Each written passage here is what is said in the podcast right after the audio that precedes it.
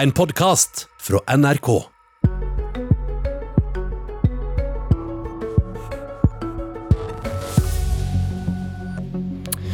Sola skinner i skyggenes dal. Erna Solberg går inn i 2023 med solid borgerlig flertall. Høyre og Fremskrittspartiet har til og med rent flertall alene på flere målinger. Kunne de styrt landet gjennom krisa, eller hadde mørket raskt senket seg? Men 2023 handler mest om hvem som skal styre norske kommuner. Leter Høyre etter nye venner i lokalvalget? Et eh, borgerlig liv uten særlig makt, men med blikkene stivt festet på valget neste år, og kanskje det i 2025. Velkommen til Politisk kvarter, Anne Ekornholmen, politisk redaktør i Nasjonen.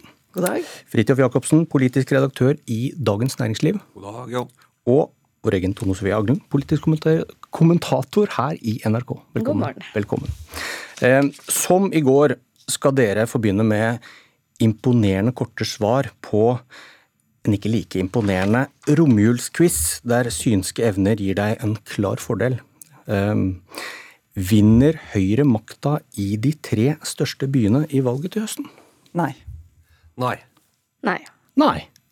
Kan høre hvilke byer de ikke vinner, da. Hva ligger bak analysen? Nei, det ligger vel nærmest et Høyre-valg i Bergen, eh, mens Oslo og Trondheim nok blir røde. Ja, Enig i det, eller? Ja, Bergen ser jo ganske grei skuring ut for eh, Høyre eller et borgerlig byråd, mens eh, Trondheim ja, En dag skjer det kanskje, men jeg tror ikke det er nå. Oslo syns jeg er spennende. Der tror jeg det kan skje en del, litt avhengig av hvordan det utvikler seg på nasjonalpolitikk. Spørsmål to. Er Fremskrittspartiet større enn Arbeiderpartiet på målingene om ett år? Nei. Nei. Nei. Nei. Er Erna Solberg Høyres statsministerkandidat i 2025? Ja. Ja. Ja. Hvor tydelig har hun egentlig vært i det spørsmålet, Jacobsen? Svært tydelig, vil jeg si.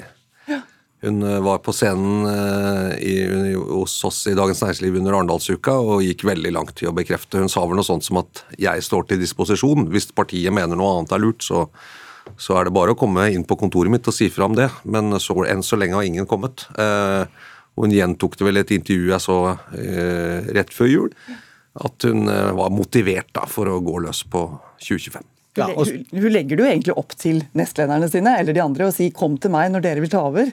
Eh, Og det er det vel, har de vel ikke gjort foreløpig, da. Men så- Det har jo alltid vært sagt at i, i Høyre så gror det godt. Det er talentet bak der som kan ta over. Og Da blir jo spørsmålet er det lurt av Erna å gå på i 2025 igjen?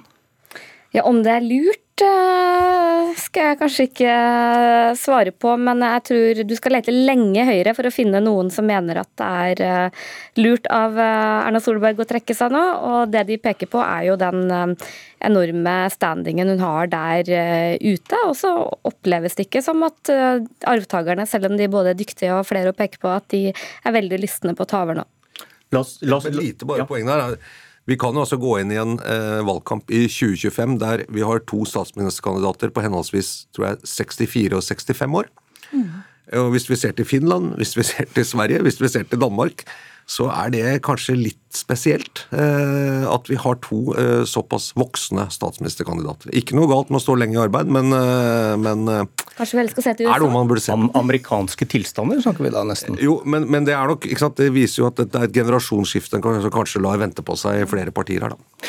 Til livet på borgerlig side, litt i, litt i stort. eh, Ekornholmen, tror du, hvis det hadde skjedd et lite romjulsmirakel, og det hadde vært borgerlig flertall på, på Stortinget, tror du Solberg hadde hatt lyst til å overta nå?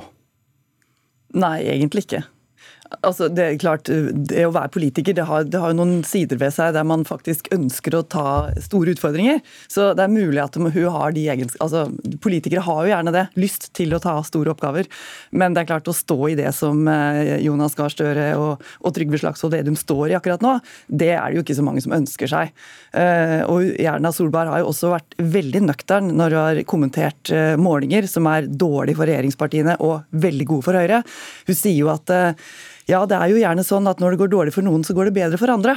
Hun tar jo også veldig lite av æren på en måte, eh, fordi hun veit at ting veldig fort kan snu. Og hun veit også at hun hadde gjort veldig lite annerledes eh, akkurat nå. Ja. Ja. Ja, til det, hvilke konkrete utfordringer hadde regjeringen Solberg 2023 støtt på på borgerlig side? De ville jo støtt på mange av de samme som eh, Jonas Gahr Støre og hans mannskap eh, opplever. Eh, strømkrisa, hvor svaret på den ville jo splitta de, borgerlige partiene, og man ville jo heller ikke hatt noe enkel løsning, og det er jo også Erna Solberg ganske ærlig på. Så også inflasjonen så framstår jo Høyre veldig enig med regjeringa på pengebruk, så, så det er i hvert fall ikke noe annen politisk eh, meny, men eh, kanskje en eh, tegn på at velgerne er, at det er mer styringsdyktigheten til Erna Solberg de savner. En indikator på det kan jo være at velgerne nå går til Høyre, som har lik politikk som Arbeiderpartiet. De går ikke til Frp i noe særlig grad, som profilerer seg på noe helt annet. Og så gikk Erna Solberg i dette studio før jul ganske langt i å avlyse FrPs politikk på to av de store krisespørsmålene på hvor mye penger kan vi bruke, og hva slags kraftpolitikk skal vi føre. Eh, hvordan, hvordan ser egentlig Solberg på Fremskrittspartiet? Jeg tror Solberg har et ganske avklart forhold til Fremskrittspartiet. Eh, Solbergs regjeringstid var jo preget av at det var ganske stor takhøyde for egne meninger så lenge man holdt prosjektet sammen. Og den borgerlige samlingen overlevde jo eh, to hele stortingsperioder, selv om noen partier gikk inn og ut av regjering. Og så tror jeg nok at hvis man ser tilbake, så var nok den første regjeringsperioden med en Høyre-Frp-regjering som støttet seg på Venstre og KrF, eh, de trengte da bare støtte seg på ett av partiene, riktignok, i Stortinget, var nok den regjeringen som man opplevde fikk gjort mest, og som eh, brukte minst tid på, på måte, politisk ståk og styr.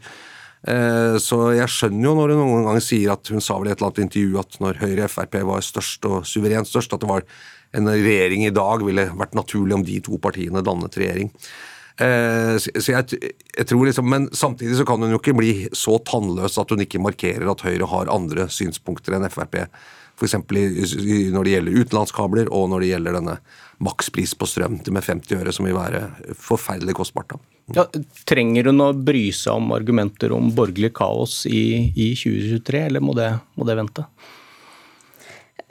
Ja Det med borgerlig kaos og konflikt, det er jo litt hva du gjør det til sjøl òg. Hvis eh, ingen av de fire partiene opplever seg tjent med å Eh, debattere med hverandre, reagere på hverandres utspill, så, så, blir du ikke så veldig mye av det. Og jeg opplever i hvert fall eh, partilederne i Venstre, KrF og Høyre har stor tillit til hverandre og, og har, har, virkelig ikke noe behov for å ha konflikt. Og så er det nok mer usikkerhet på hvor de har Frp. Frp, men jeg tror nok den lederstilen til eh, Erna Solberg som noen ser på som en svakhet, mens andre ser på som en styrke, gjør at man har et enda mindre konfliktnivå på borgerlig side enn det kanskje ville vært grunnlag for.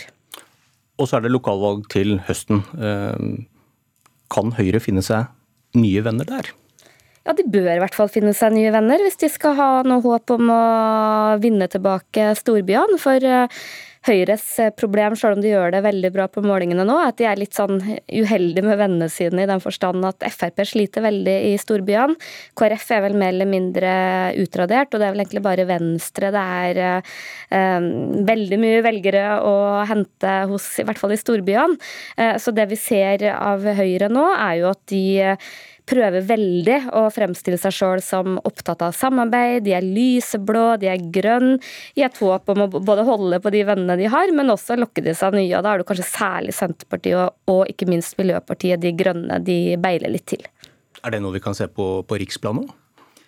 Samarbeidsspørsmålet? Ja, at Høyre ser mot eh, MDG og andre partier ja, og, er trøblete med Frp? Ja, ja, altså nå er det jo sånn at eh, per i dag så syns jeg jo Høyre er veldig eh, tause, egentlig. Altså, vi ser jo ikke så veldig mye til dem i samfunnsdebatten, eller i de politiske debattene. Venstre er jo veldig synlige som opposisjonsparti, og særlig både mot krigen, mot fattigdom, mot fritt behandlingsvalg i helse. Venstre er synlig på veldig mange fronter. Eh, Frp er jo, eh, er jo, på veldig mange måter enig med Rødt, og er, tar, veldig, tar, en del av de proteststemmene som, eh, som jo går fra Senterpartiet. Mens, eh, mens samarbeidet mellom Høyre og f.eks. MDG er vel ikke noe sånn veldig eh, på bordet, tror jeg. Heller ikke fra MDG, selv om man påstår å være eh, nøytral eller eh, kan gå til begge sider. Jacobsen, hvem på borgerlig side er mest avhengig av dette lokalvalget? Jeg tror Fremskrittspartiet er nødt til å gjøre et i hvert fall ålreit, dugelig valg nasjonalt for at det skal være ro rundt Sylvi Listhaug. Eh, nå går det relativt godt for Fremskrittspartiet, men eh, jeg tror hvis de gjør et veldig dårlig valg, så kan det bli veldig urolig der, og en ny sånn debatt om veivalg og, og hvor, hvor liksom, hvilken, skal man gå lenger ut den ene eller den andre siden. Det, og det vil nok være slitsomt for hele det borgerlige prosjektet inn mot uh, 2025. Og særlig hvis det begynner å bli sånn ultimatum at vi kan ikke sitte med dem, og vi støtter ikke en regjering med Venstre eller KrF osv. Da vil det begynne å bli litt mer borgerlig kaos. Og så er Høyre selvfølgelig avhengig av å omsette denne voldsomme oppturen de har nå, i et godt valgresultat. Hvis de skal holde gassen oppe helt til 2025. Eh, hvis de gjør et godt kommunevalg, så vil det jo være veldig mobiliserende for organisasjonen. Og så er det jo også sånn i politikken har vi sett før at når du begynner å få medgang, så avler det litt mer i medgang. For det er en del velgere som er litt opptatt av å være med på vinnerlaget. på en eller annen måte. Altså Velgere er litt mer flyktige, så de er sånn ja, der går det bra, da, da, da blir det et alternativ for meg. Tror jeg man ser litt på Høyre nå. Eh, så begge de partiene er nok, er nok avhengig av det. KrF ja, hvem er det man har hørt? Altså, KrF virker jo ganske sånn parkert. De er i en slags sånn uh, dvale eller meditasjon, har gått i et slags kloster eller et eller annet. Jeg prøver å finne ut av seg selv, men eh, de må jo prøve i hvert fall å få noe til i de områdene der de tradisjonelt står sterkt, på Sør- og, og Sør-Vestlandet. Ja, Hvordan blir det? Vi har jo ikke noe, noe sperregrense ved lokalvalget, men det er jo en veldig sånn symboltung 4% der, som, eh, som, kan utløse litt av hvert hvis man kommer over eller under. Hvordan tror du det vil spille seg ut for hvis vi snakker Venstre og KrF? da? Jeg tror nok eh, For begge de to partiene så er det kanskje mer dramatisk enn eh, det kanskje ser ut. og For begge de så handler det om å være et eh, landsdekkende parti. For de har jo veldig ulike problemer. Venstre gjør det veldig godt i noen storbyer, mens nesten utsletta i mange distriktskommuner og Nord-Norge. Mens KrF har sitt tyngdepunkt på Sørlandet og Sør-Vestlandet, som vi har snakka om. og Begge de partiene partiene har jo hatt veldig mange kommuner hvor de har sittet med kanskje én kommunestyrerepresentant, en eller annen ildsjel som har holdt lokallaget i gang. Hvis de mister veldig mange kommuner og mister fotfeste i store deler av landet, så kan jo de liksom ende opp som litt sånn regionale partier, og det tror jeg kan være litt sånn eh, Det er vanskelig å komme tilbake da, hvis de mister det fotfestet. Og hva slags valgkamp får vi hvis det er som nå, hvor det er en eh, altoverskyggende krise med strømpris og dyrtid? Blir det lokale saker, eller hvordan vil den store nasjonale debatten spille inn på dette her? Jeg kan, jeg kan, på en måte si at jeg, skulle, jeg håper at det kommer en del, at lokale valget blir lokalt. Eh, og at det blir mange saker som opptar folk ute i kommunene og de viktigste tinga der man sjøl bor. Eh, men det er jo ikke tvil om at eh, de økonomiske problemene og uenighetene vil prege også lokalvalgkampen. Og det er jo et spørsmål om ja, om de store ordførerpartiene da ønsker sine partiledere på besøk når, når, man skal stå på stand og forklare og forsvare hva regjeringa gjør. Det er jo tøft å gå og banke på dører og, og stå på stand når, eh, når det er eh, da, regjeringas politikk man må forsvare. Men jeg, jeg, ønsker også på en måte for velgernes del at det skal bli debatt om de sakene som er tettest på der man bor. Så får vi se hvordan det går i lokalvalget, men eh, videre framover så kommer det et stortingsvalg. Og vi begynte med å snakke om litt sånn borgerlig strekk i laget. Eh, er Erna Solberg avhengig av å bygge et felles prosjekt, noe slags felles politisk plattform eh, før 2025? Det kan jo se ut som det er prosjekt Erna Solbergs styre. og Jeg tror ingen av de partiene nå ser seg tjent med å å jobbe veldig mye med fellesprosjekter. Jeg tror alle sammen har behov for å markere seg hver for seg. I hvert fall de tre andre partiene som ikke er Høyre. Jeg tror det holder at man er trygge på at et borgerlig flertall gir en borgerlig regjering, slik det var i 2013. Jeg, jeg tror det holder for henne. Så tror jeg ikke det blir noe særlig mer sammensveiset prosjekt enn det. Så får man se hva velgerne sier og lage en regjering ut fra det, hvis det blir borgerlig flertall. Og så får vi se. Vi må vente til 2025 for å vite om dere traff på vår eh, romjulsquiz eller ikke. Ehm, men om tusen dager så er allting glemt. Var det, ikke, var det, ikke, noen som sa det? Eh, takk for analyser og spådommer, Anne Ekornholmen, Fridtjof Jacobsen, Tone Sofie Aglen.